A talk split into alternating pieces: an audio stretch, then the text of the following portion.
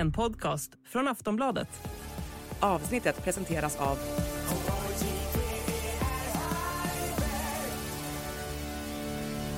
Stödlinjen.se, åldersgräns 18 år.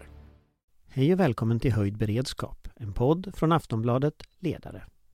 Idag ska vi diskutera Taiwan. Med oss i studion har vi ambassadör Dr. Clement Go från Taipei Mission in Sweden. Intervjun kommer att ske på engelska och samtalet efteråt på svenska. Välkommen! Vår beredskap är god.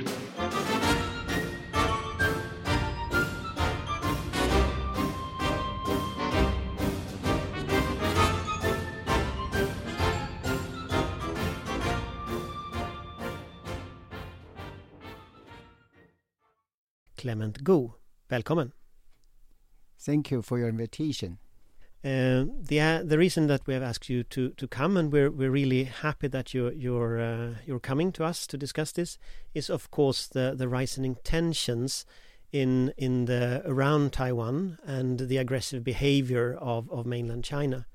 And and just a context for, for the, the most of the, the listeners of course is, is very focused on the, the Russian illegal in, invasion of Ukraine and this is something that we talk about very often in the podcast. But now we think we turn our our interest to, to Taiwan because that's the other key hotspot for international security. So, if you can describe the situation around Taiwan at this point. Thank you, thank you. Uh, first of all, I would like to say that um, since last August, uh, mainland China they launched a so-called uh, military threaten, and totally last August they sent totally 11 missiles to go to Taiwan. Two of them dropped in EEZ zone between Taiwan Philippines. Five of them dropped in Japan Taiwan EEZ zone, and four of them four of them direct fly over Taipei. Uh, actually, in year of 2020, there were around 380 times their so-called aircraft uh, across median line all coming to our ADIZ zone. 2021 around 980, and last year totally were totally was uh, 1,700 times. Look, this uh, military threat increasing tremendously. Um, but I would like to draw your attention is that this tension actually not just only in focus between Taiwan Strait, between Taiwan and Beijing, but this is so-called military threat is so-called democracy vis-a-vis authoritarianism. Why? Because because nowadays, mainland China they have already they have already signed military agreement with Solomon Island. Where is Solomon Island? Solomon Island is beyond second island chain. Sweden, you have very strong AI. Taiwan, we have also very strong AI, artificial intelligence. PRC, they have also very strong AI. However, their AI means artificial islands in the South China Sea, and even they put many different kind military equipment over there. And in Indian Ocean, they have already 100% control seaport Hambantota in Sri Lanka, and they have military station in Africa, for example, in Djibouti. Look, their ambition is from Africa, Indian Ocean, South China Sea, until Pacific Ocean. So therefore, their ambition is whole uh, cover the whole global South their aims, their goal is actually want to be as a so-called leader of global South. You mentioned Ukraine war. Of course, uh, China, China, they want to this war keep long as long possible because uh, it, it, because the war is still there. United States must be focused their their uh, attention in this war, and United States could be not come to come to uh, uh in the Pacific region. And Russia, same. Russia will be stuck over there, and Russia has no more the other energy capacity to take care their their their so-called a broader country in in South Asia or East uh, or Central Asia. So PRC, China, they they on the one hand they use this way to to uh, calculate their capacity. On the other hand, they also do some cooperation with Russia. Uh, Xi Jinping, he is the first one, first one foreign leader following the so-called ICC uh, uh, uh, accusing uh, war crime of uh, of uh, Putin, and yeah. and and Putin was the first one foreign leader after Xi Jinping secured his so-called third terms, and both sides their cooperation they they they they stated many times without limit, and both of them they did also so-called military joint uh, drill in East China Sea. Uh, I give you the other example. 2020, uh, 2023, this year's uh, February, EU published a so-called information manipulation report. And in this report, uh, uh, totally EU chose 100 cases. And in these 100 cases, there are around 88 related to Russia, 17 related to China, and more worse is that there are five cases related both of these two countries. So look, nowadays democracy vis-a-vis authoritarian, and we, all of us, we are so-called like-minded country. We should do more solidarity each other. If you have ever been in Taiwan, let me share with you. We have very good tea. We have very good green tea, black tea, oolong tea, high mountain tea, bubble tea, even our guarantee. However, the best tea in Taiwan is our democracy. In this sense, of course, democratic countries should be did more solidarity and to secure, safeguard our common value. Thank you. Thank you very much, Your Excellency. Could I could I just ask you uh, also if you look at the the this conflict because this is a conflict also President Biden, for example, described in democracy against uh, autocracy. We see it very clearly in Europe today when, when democracy is threatened by, by Russian aggression or, or Russian hybrid operations of different kind.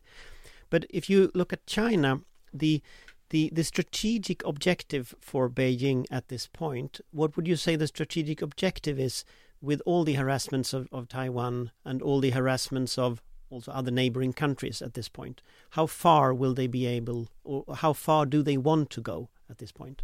At this point, at the moment, uh, of course, uh, China they have their weakness points. For example, nowadays, uh, especially after COVID nineteen time, their economic decline, they have internal power struggle. They are missing two ministers already. Um, yeah, they disappeared. The ministers and Chinese ministers disappeared, which is interesting. Yeah, and uh, and uh, they have uh, also some uh, some uh, points uh, they cannot reach. For example, in the military capacity area, if we said United States is such level, could be China could be this level, and they have still there are still some gap between two sides. And don't forget, one thing is that if we talk about war, the real war, and uh, from the old old Chinese mentality, they said always, "I can win the war. However, I don't need send any one soldier." and then I can win the war. So their highest priority actually use this so-called mindset. Oh, okay, if we uh, put talk, talk, totally we put together to think about that. I, I think nowadays real war, so-called uh, uh, invasion, not so easy for Beijing side, but they will use a way, a way so-called gray zone tactic. A gray zone tactic, for example, cyber attack, disinformation uh, uh attack. Uh, according to to to, to um, Gothenburg University survey, uh, the whole world ranking to get the so-called cyber attack.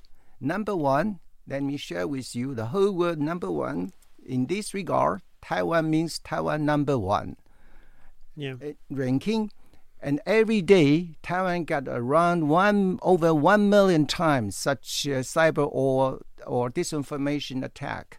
And United States in this survey that was that time was uh, ranking number thirteen. Look, and they use such uh, ADIZ zone infringing. And they use such uh, social infiltration and economic coercion. So such gray zone tactic. That means that is not a real war. However, they use such uh, coercion, uh, very very intensive. Actually, that is not just only toward to Taiwan.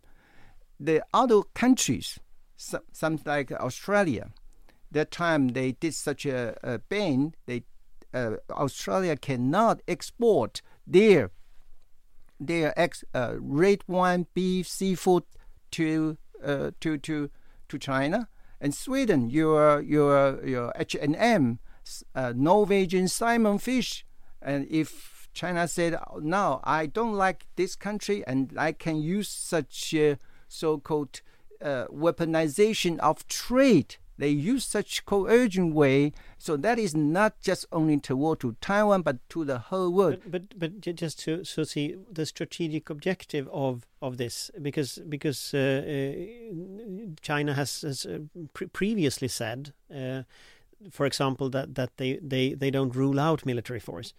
But what you're telling us is that military force is not so likely.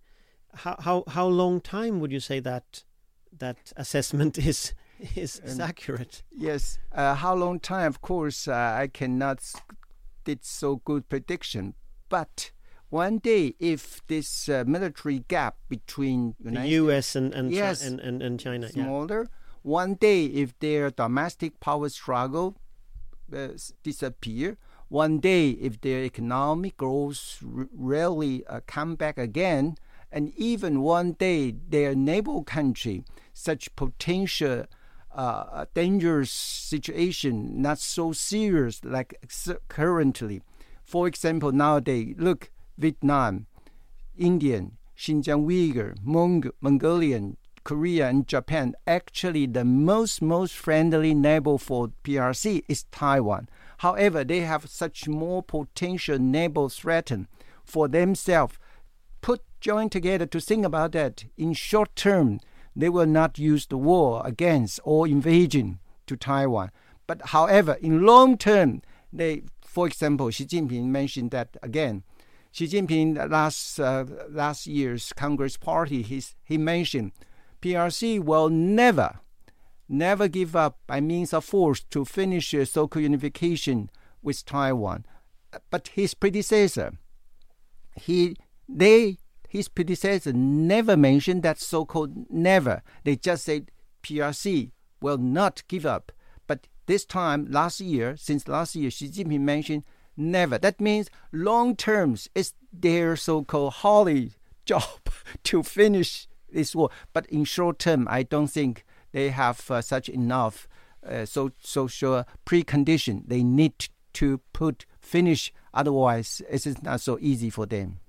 When it comes to Russia and Ukraine, we have seen a miscalculation from our side in in estimating what they would do. Uh, what do you think about the risk that China might miscalculate reactions from EU, US, West if they try to do something when they believe that the rest of the world will not react and perhaps test the reaction? Uh, you you have uh, small islands uh, that are part of Taiwan that lies uh, very near the Chinese mainland, for example, that could be be exploited with a smaller incursion or hybrid methods. Um, your reflection on on that risk that we are not understanding where our red lines are are. Uh, I think uh, Ukraine war gave China very good lessons. That is so-called EU and like-minded country together give such sanction against Russia.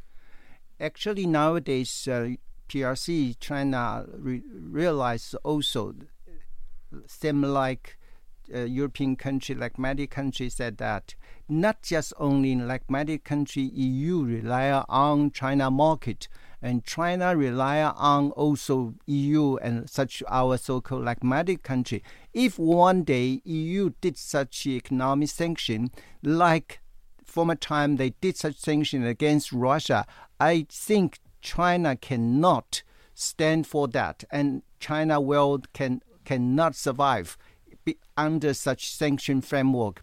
In this regard, I think these lessons China learned about many many from this example. But however, uh, uh, if of course we do hope.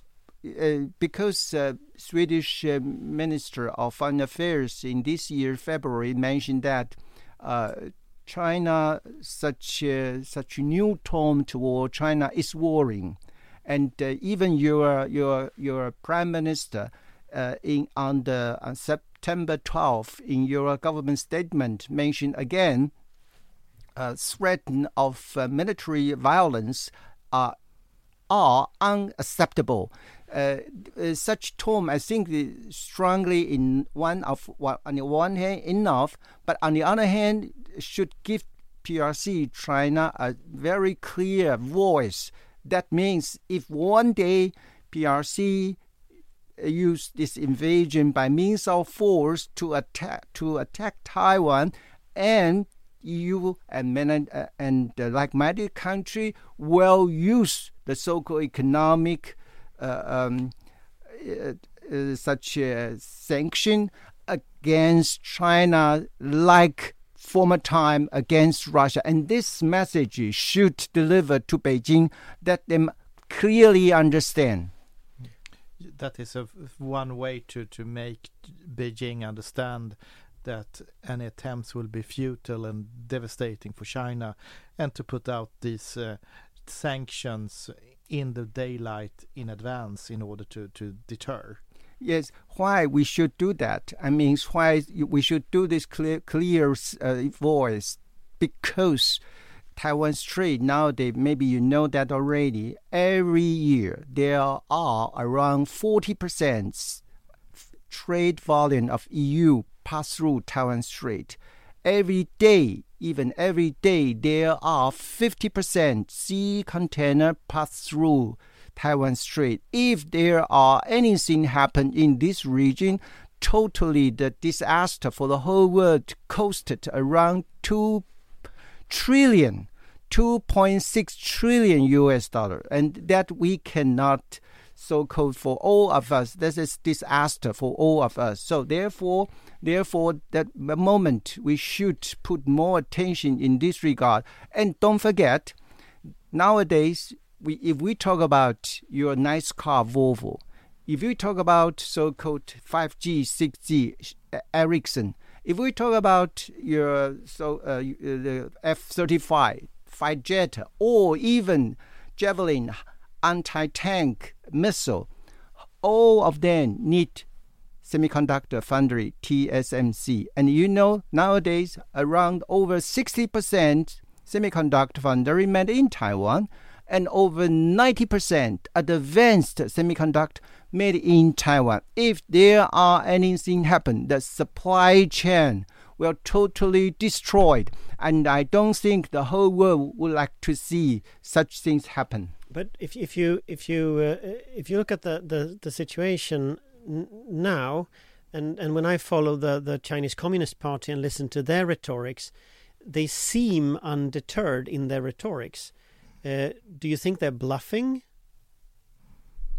Uh, of course, uh, mm, Chinese Communist Party. Uh, they have their they have their interest in the people over there. They their job actually for their party, even maybe not for their country or for the people or for the government. So therefore, we should do one thing: uh, the the pure just only CCP people. They they, they are on the on the on on the opposite uh, side from uh, vis-a-vis so-called like-minded country, not the whole Chinese people. No, no, I, I mean the leader, because from Swedish perspective, we're quite used to Russia lying all the time. Uh, Mhm. that, that's kind of the normal setting. So when Russia says something, we consider it as okay, they're lying again. But for example, European politicians listen to Chinese Communist Party people.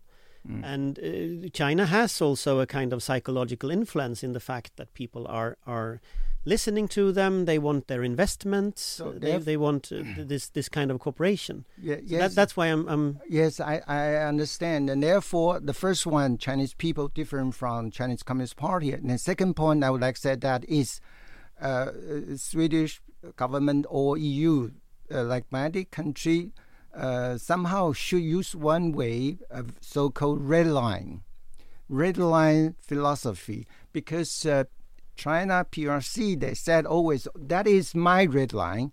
Taiwan is a part of my and that no the so-called sovereignty issue, uh, and therefore they draw a so-called red line. But nowadays, I I share with you already many different kind. Uh, so-called common value and common interest.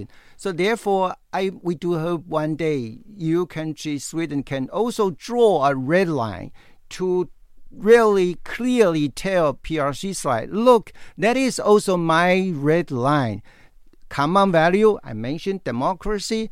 Common interest in, I mentioned so-called supply chain or even strategic or geostrategic point.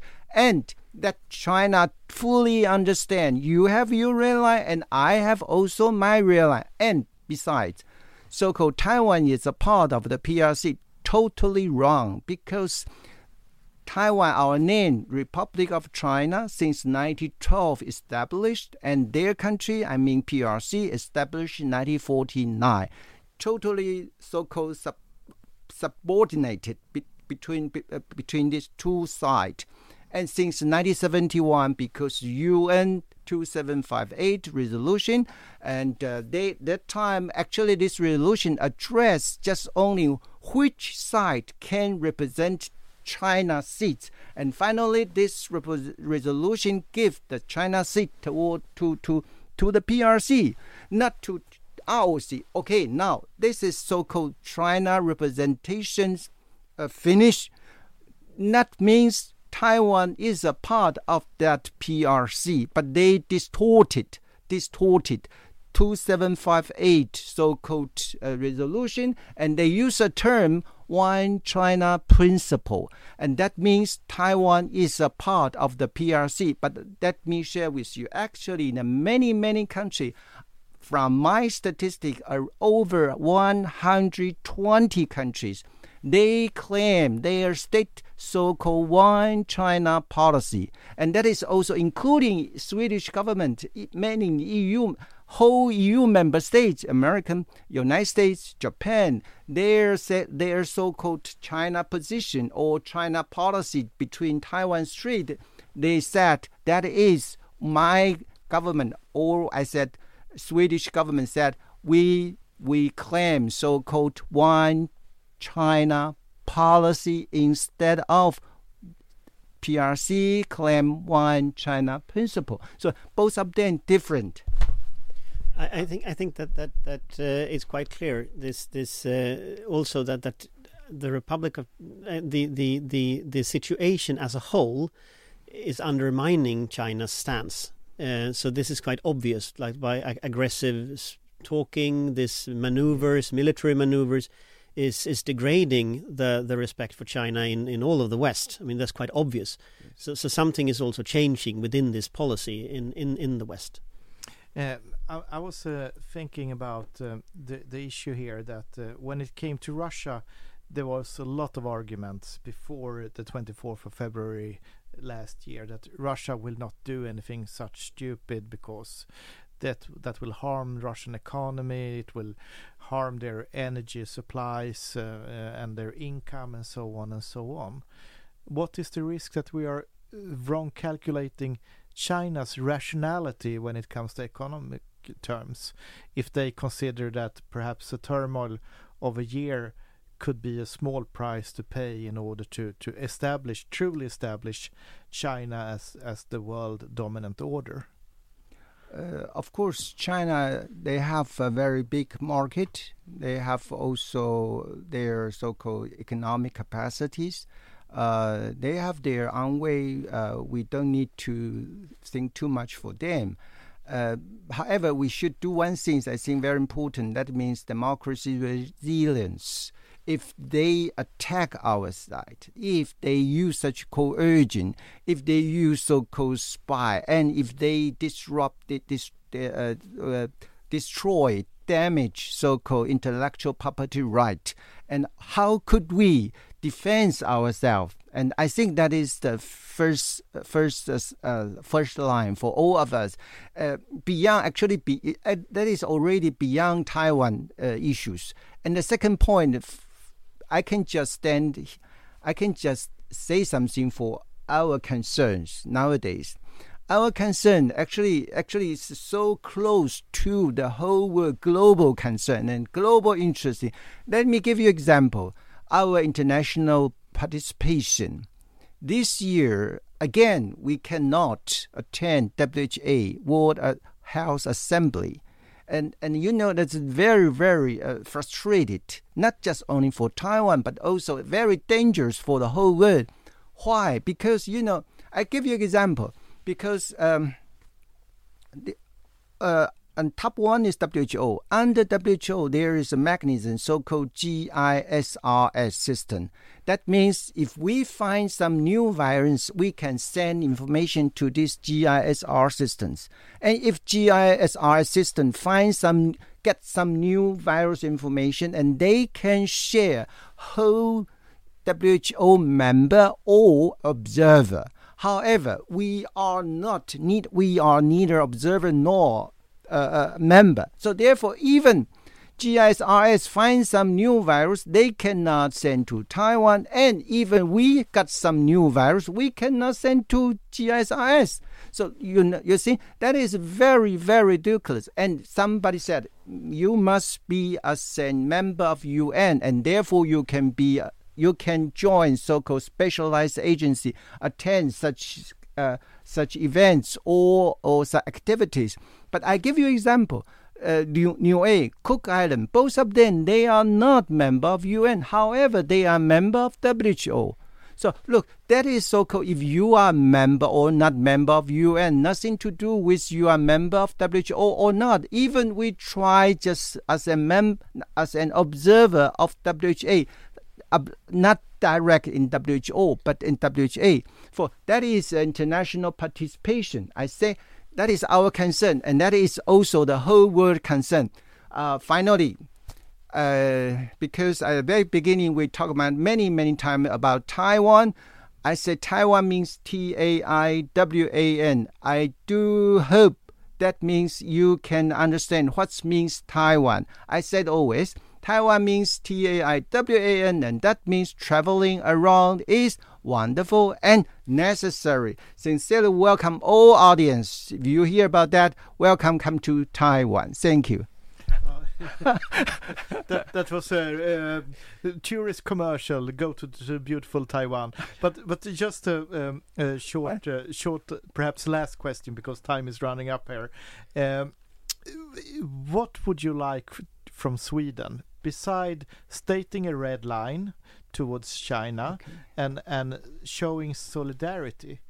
Is there anything else you would like Sweden to do in order to contribute to a peaceful future for Taiwan? If we talk about this point, thank you very much. Uh, once the one, the number one is we, we do hope Sweden can have a very clear so-called Taiwan policy, and number two, if uh, Sweden can support our so-called international participation. Actually, not just only in WHA, but also coming soon, in November, there is so-called UNFCCC. Taiwan enact already the so-called Climate Change Re- uh, Reaction Act, and and becoming the so-called 18th 18th countries uh, uh, uh, um, put the law into the so-called in our life, codify this uh, net emission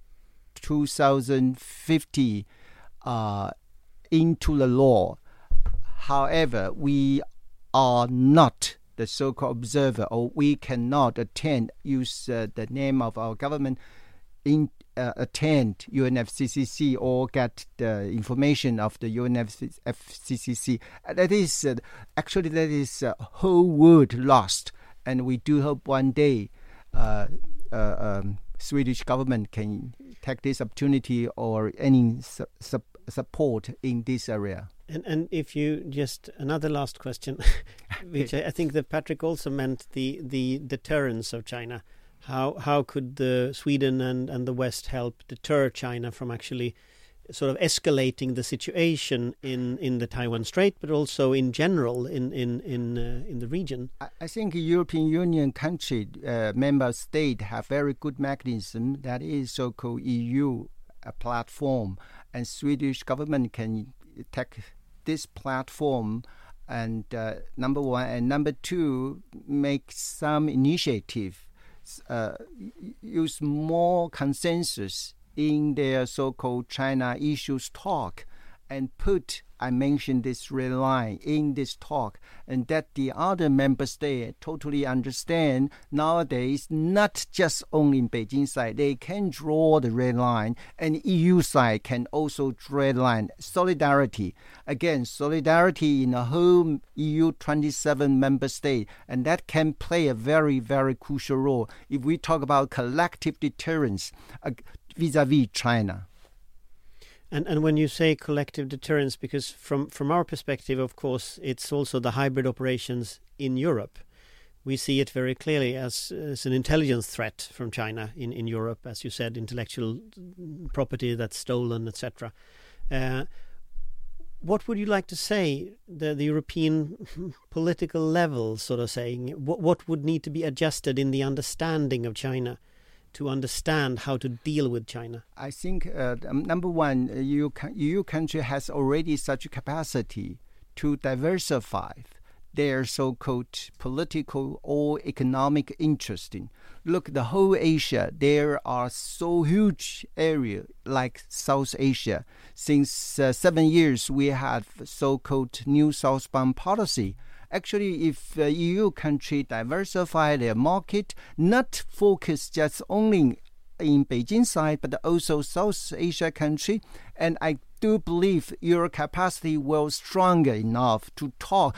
On, on the one hand, you should have some card in your hand. Otherwise, you cannot dialogue or talk with uh, the other side. So that is number one. And number two, come to my so-called draw red line. And number three, internal. I do believe EU member states should do sit together and stand together, do more solidarity, so-called homework. Otherwise, every time you, you do such individual way, and you will very easy divided by the other side.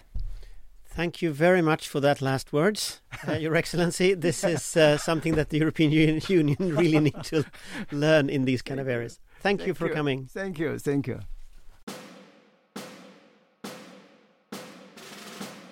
Vår beredskap är god. Ja, då är vi tillbaka i studion här själva utan ambassadör. Eh, ja, det var väl ord och inga visor får man väl säga, delvis i alla fall. Eh, det är en tydliga röda linjer från väst. En ekonomisk diversifiering eh, där, man, där man ju har kopplingar till fler länder och inser liksom de här ekonomiska eh, motorvägarna kan man säga alltså betydelse i detta och en tydlig Taiwan-politik krävde han där man skulle få vara med i, i WHO och, och, andra organisationer. Eh, vad, vad, tar ni med er, Amanda? Vad tar du med dig av detta? Uh, nej men, han har ju många goda poänger. Det finns ju en tydlig parallell till Ukrainas situation uh, och det är väl bara positivt och negativt ska man inte säga, för det finns ju ingenting positivt med det, men det, det är ju både naturligtvis en vision av hur illa det kan gå, men också kanske ett helt förändrat läge, vilka krav man vågar ställa på väst eh, och vilka funderingar man kan ha kring det, därför att det ändå har varit en annan reaktion än vad man kanske befarade. Ukraina har tagit, eller så, väst har tagit väldigt tydlig ställning för Ukraina och man kanske ser en öppning där att man, man kan kräva tydligare garantier och tydligare samarbeten och så vidare. även för Taiwans räkning. Så det är väl Ja, det är en väldigt komplex situation naturligtvis, men, men jag förstår ju var hon kommer ifrån. Men vad tänker du? För att det, det är ändå en, han, han, är ändå väldigt tydlig med det, att det väst gör idag inte räcker till. Eh, vad tänker du om det? Vad är det vi liksom behöver ta med oss? Vad ska vi göra?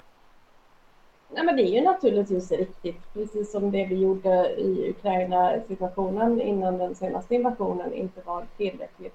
Samtidigt så är det en komplex situation, inte minst i Kina, där vi har det här stora ekonomiska utbytet och fortfarande en ganska stor naivitet om vad det vår, vårt eh, beroende av kinesiska komponenter till exempel betyder och vad det innebär att handla med Kina och vara aktiv på den kinesiska marknaden. Eh, men det är klart att det är deras synvinkel och egentligen nu någon slags allmän synvinkel där lag och rätt får råda och små nationer har sina rättigheter intakta och vilka ska garanteras så gör ju inte väst tillräckligt. Patrik? Eh, jag tycker att i det här samtalet så blir det väldigt tydligt vilken press som Taiwan är utsatt för. Han tog exempel med eh, cyberangreppen. Han nämnde ju också de här kryssningsrobotarna som Kina skickade över Taipei som liksom flög i taiwanesiskt luftrum innan de slog ner på, på andra sidan. Eh, och det var också en del som slog ner i, i, olika delar av ekonomiska zoner och så som, som delas mellan, mellan ja, Taiwan och, och eh, upp mot Japan och så, runt så. Eh, och till det så också hela paletten av den kinesiska påverkansapparaten med då konstgjorda öar i Sydkinesiska sjön och det drabbar ju inte Taiwan i första hand utan andra länder.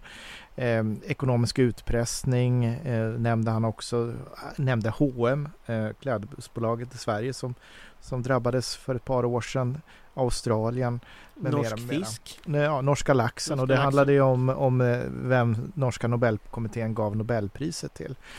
Eh, och, och det är ju, det, det är så att säga understryker ju poängen här att det är ju, står ju mellan två olika system kring hur man tänker kring världen. Ett demokratiskt frihetsperspektiv kontra auktoritära stater och i det här fallet då det kinesiska kommunistpartiet. Så där blir ju konflikten väldigt tydlig. Eh, och jag, jag, jag, tycker också att man känner av en, en eh, en viss frustration och att det, Taiwan är under press. Och sen det vi inte kom in på i det här samtalet som är värt att notera det är att Taiwan ska ha ju presidentval i januari. Så att vi kan ju förvänta oss ännu högre press mot Taiwan fram till det och därifrån till att det kan ske en incident som, som eskalerar eller faktiskt att, att, vilket vi var inne på lite grann i samtalet också, att Kina vill testa reaktioner Eh, och kanske sätta press på USA inför det amerikanska presidentvalet och så vidare. Så att det är en, en väldigt komplex och svår situation som snabbt kan eskalera till att bli obehaglig. Alltså om jag ska göra en reflektion. Eh, ja, man lyssnar på olika sådana här alltså företrädare för olika länder. Så är man ju alltid lite, alltså det är alltid lite inlindat. Men om man skalar av den här inlindningen så är hans budskap ju väldigt, väldigt rakt skulle jag säga. Och, och, och, en bärande del i det budskapet, han tog ju upp kring, kring Världshälsoorganisationen till exempel, att Taiwan inte har tillgång till de instrument man behöver för att bistå med hälsa i hela världen. Och det här är ju någonting som, trots att vi precis har gått igenom en pandemi och vi har sett hur viktigt det här är, så är Taiwan de facto utestängda i en, en lång rad sådana här miljöer. Det är ett tydligt exempel, men det ser ju likadant ut på väldigt många andra områden. Och där efterlyste han ju en svensk politik för att inkludera Taiwan i det internationella institutionella ramverket. Eh, och även om han uttrycker det så att säga på ett diplomatiskt sätt så är det en ganska tuff kritik egentligen. Vad bör Sverige göra tycker ni? Amanda? Ja du, eh, nej men det, man bör ta tydligare ställning just i den typen av organisationer. Det är väl en sån sak man skulle kunna göra. Vi har ju talat om tidigare att Eh, Kristersson inte minst eh, och även eh, försvarsministern Pål Paul Jonsson har ju ett intresse för eh, den delen av världen eh, och är ganska kunniga i området. Eh, sen så kom ju kriget i Ukraina i någon mening i vägen, annars kanske man hade haft en tydligare policy i frågan. Eh, men där finns väl en sån sak man faktiskt kan göra, det vill säga att se till att eh, företräda och förespråka Taiwans rättigheter i de internationella samfunden och deras möjlighet att delta på eh, rimliga villkor. Han pratar ju också om att eh, använda EU och enighet så att inte Kina då splittrar. Om ett land agerar ensamt så, så blir det utsatt för, för olika typer av press. Litauen har ju fått uppleva det. Australien har fått uppleva det. Norge med laxen har fått uppleva det. Att Kina så att säga smackar på ett land i taget och då, då mm, kan uppnå poänger mm, då till övriga omvärlden men, men också påverka de länderna. Nu har ju Australien stått på sig hyfsat, Litauen har stått på sig, Norge vek ner sig.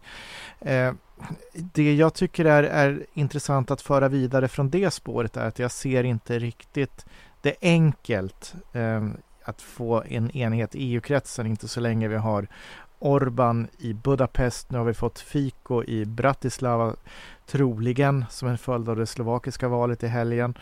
Eh, utan jag tror mer att det formulär, liksom, formuläret att spela på är ju en, en koalition av, av, av likasinnade stater som agerar tillsammans i samma riktning. Eh, och då har vi Kanada till exempel som ett möjligt land. Eh, Litauen som jag nämnde till exempel. Och, och sådär. Jag tror att det är mer den Men inte Tyskland om man tittar på historien. Tyskland är ju ett problem. Tyskland eh, snabbt eh, skulle jag säga Frankrike så här. är också ett problem. Ja, Macron åkte iväg och skulle hålla, ta, va, hålla tal i Beijing. Ja, för, det, Eller höll tal ja. i Beijing. Eh, jag går tillbaka till Tyskland innan vi fördjupar ja. oss i, i Frankrike. Där kan man säga att eh, Anna-Lena Baerbock som utrikesminister är bra. Men eh, eh, finansministern var ju nyligen ute och eh, betedde sig på ett sätt som, som skapar tvivel kring Tysklands eh, Kina-politik och förbundskansler Scholz har ju också varit i det häradet. Så att eh, det, det, är, eh, det är problematiskt när, när Europas största ekonomi eh, har en sån, sån ja, dualistisk hållning kanske man ska säga.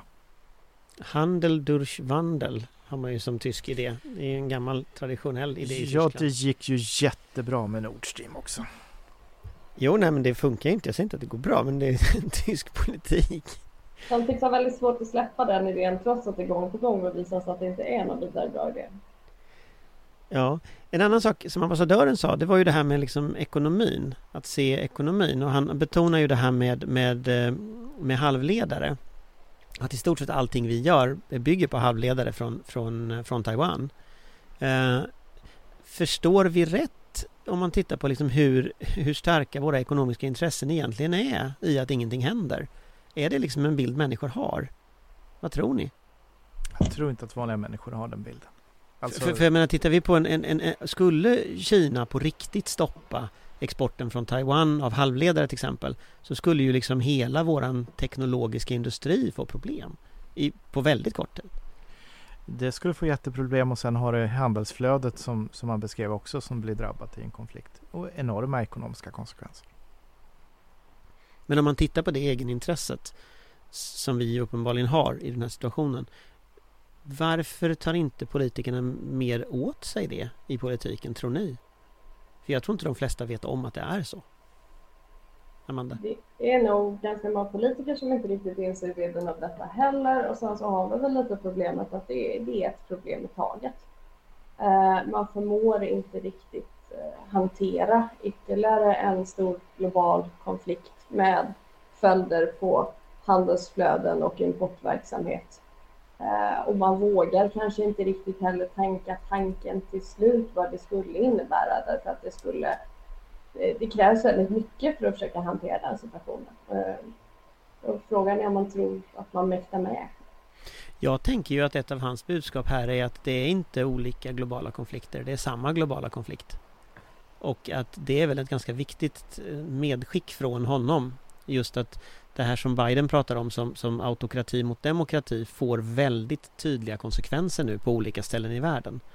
Och det är nästan en form av kallt krig situation vi pratar om där världen delar upp sig i två block och där vi och Taiwan är ju på samma sida och det är ändå en rätt ny situation tror jag för de flesta svenskar att liksom tänka i de banorna liksom. Sverige är inte där ännu i att tänka och förstå det men, men eh, om vi tittar lite grann på vad NATO, eh, olika företrädare för NATO har sagt som eh, Sakör, då högsta allierade befälhavaren i Europa, general Cavoli eller Stoltenberg och sen tittar vi också på vilka var med på toppmötet Vilnius.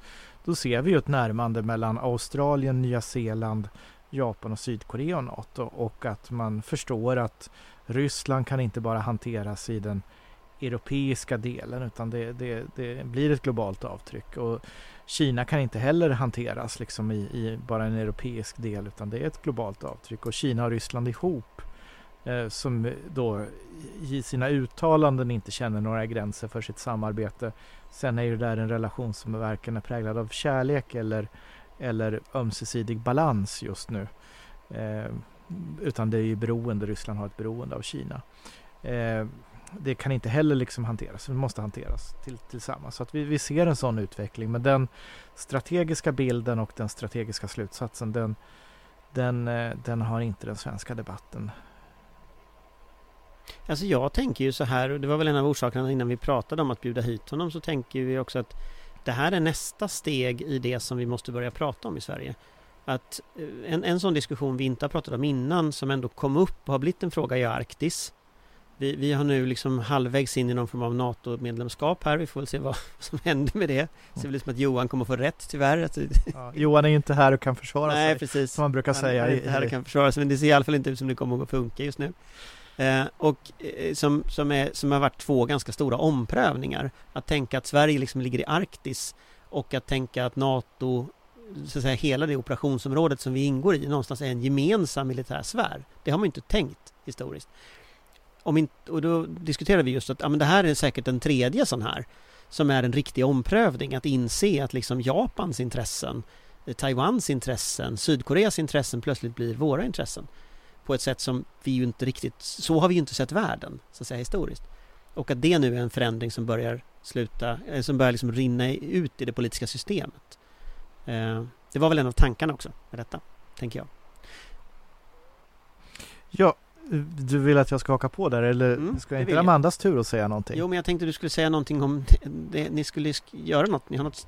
Ja, alltså frivärd tänkte jag. Jaha, jag skulle ett- förstå det som, Ja, som en, var en, symbol, där. en symbol, en cue ja, till dig. Ja, ja men det, det, det som Anders försöker, försöker, försöker få mig att förstå, vilket jag inte förstod, eh, är ju att eh, berätta att eh, Frivärd, då så kommer vi ut i, i morgon torsdag med en en, en sammanfattning, en brief om läget i, i Taiwansundet och, och risker och konsekvenser. Eh, och eh, vi var ju inne på det i samtalet lite grann, men jag kan exemplifiera med siffror så från, från briefen då. Så om, om vi tar då vad som har hänt i den här luftförsvarsidentifikationszonen. Det är ett långt och krångligt namn. Det är inte samma sak som taiwanesiskt luftrum utan det är områden där man ska identifiera sig och det gör ju inte då Folkrepubliken Kinas militära plan, de gör ju inte det. Eh, och flygningar i den då så i perioden 2018 till 2020 var det 400 under den treårsperioden. 2021, 22 och hittills i 23 så har vi passerat 4000. Eh, det är en illustration också av det militära trycket. Så att, men den kommer ut imorgon eh, och där kan man fördjupa sig. Ska vi då bara kort lämna det här då och, och ha ett sista avslutningsord Eh, innan, innan podden är slut. Jag måste bara fråga er, har ni sett arméns nya uniformer? Ja, jag är mycket positiv måste jag säga. Elegant, retro. Dessutom så ryktas det att de ska göras i ull till skillnad från dagens polyestervariant och det ska dessutom göras en riktig dammodell, det vill säga att man utgår från hur en kvinna ser ut när man utformar den kvinnliga modellen. Och detta är ju revolutionerande för att vara Försvarsmakten. Ja, jag har tänkt så på 2020-talet så gör man en uniform efter hur, kvinnor ser ut. Det är ju fascinerande. Eh, jag håller med dig om retrostuket. Anders sitter som en fågelholk här och fattar inte alls vad vi pratar om. Alltså, jo, de på- Anders fattar vad ni pratar om, men jag fattar inte att vi skulle prata om mode i podden. Eh, inte vi skrev ju, nej, jag vet att det inte är det, vi, vi, skrev, vi skrev faktiskt, vi gjorde faktiskt intervjuer med folk just kring den där frågan eh, för typ ett år sedan. Och då var det just frågan om, om eh, att uniformerna också skulle eh, vad heter det, följa, följa både män och kvinnor, hur man såg ut. Eh, så det var väl den frågan som jag har snappat upp i detta. Själva utseendet kan jag dock säga att jag har liksom inga åsikter om detta Nej, men, men, kort så kan vi beskriva det Amanda, för, för både för dig Anders då och för ni som lyssnar att det här är väl någon slags eh, eh någonstans i Sverige retromode? Det är väldigt tydlig inspiration från vad var det tidigare? Var det M50 2 den hette, den modellen. Nu ja. blev jag osäker. Ja, men jag tycker att den är ganska lik M39 också. Alltså att det, det, det, vi går tillbaka till, till, eh, till beredskapsåren eller tidigt, eh, tidigt kalla krig i utseendet. Jag, är, ja, jag tycker den är mycket stilig. Jag tycker också att den går i helt i linje med någon slags rådande internationell trend Eh, Eh, där, där man ser tillbaka och eh, återgår till någon slags mer traditionella linjer i uniformsmodet. Även amerikanska armén har ju skaffat en ny med tydlig 40-talsinspiration. Eh, jag tror också att det är mer hållbart över tid. Jag är ju ingen jättefan av eh, arméns nuvarande dagligdräkt ur rent estetisk synvinkel. Det är jag inte. Mm. Vi kanske ska bjuda in den som ligger bakom det här till något kommande poddavsnitt. Eller vänta nu Anders, det var ju ingen modepodd det här. Nej. Ja, alltså jag bara säger att jag, jag har väldigt små synpunkter på detta. Jag tänker att det här är en sån typisk sak som jag tänker att experter sköter och inte jag.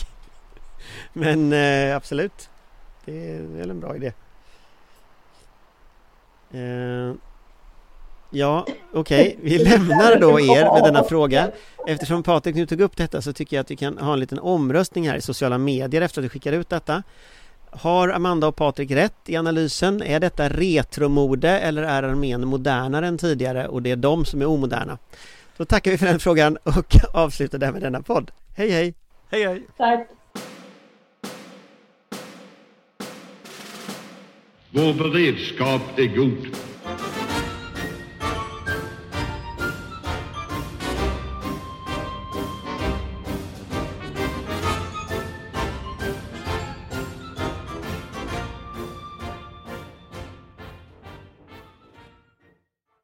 Du har lyssnat på en podcast från Aftonbladet. Ansvarig utgivare är Lena K Samuelsson.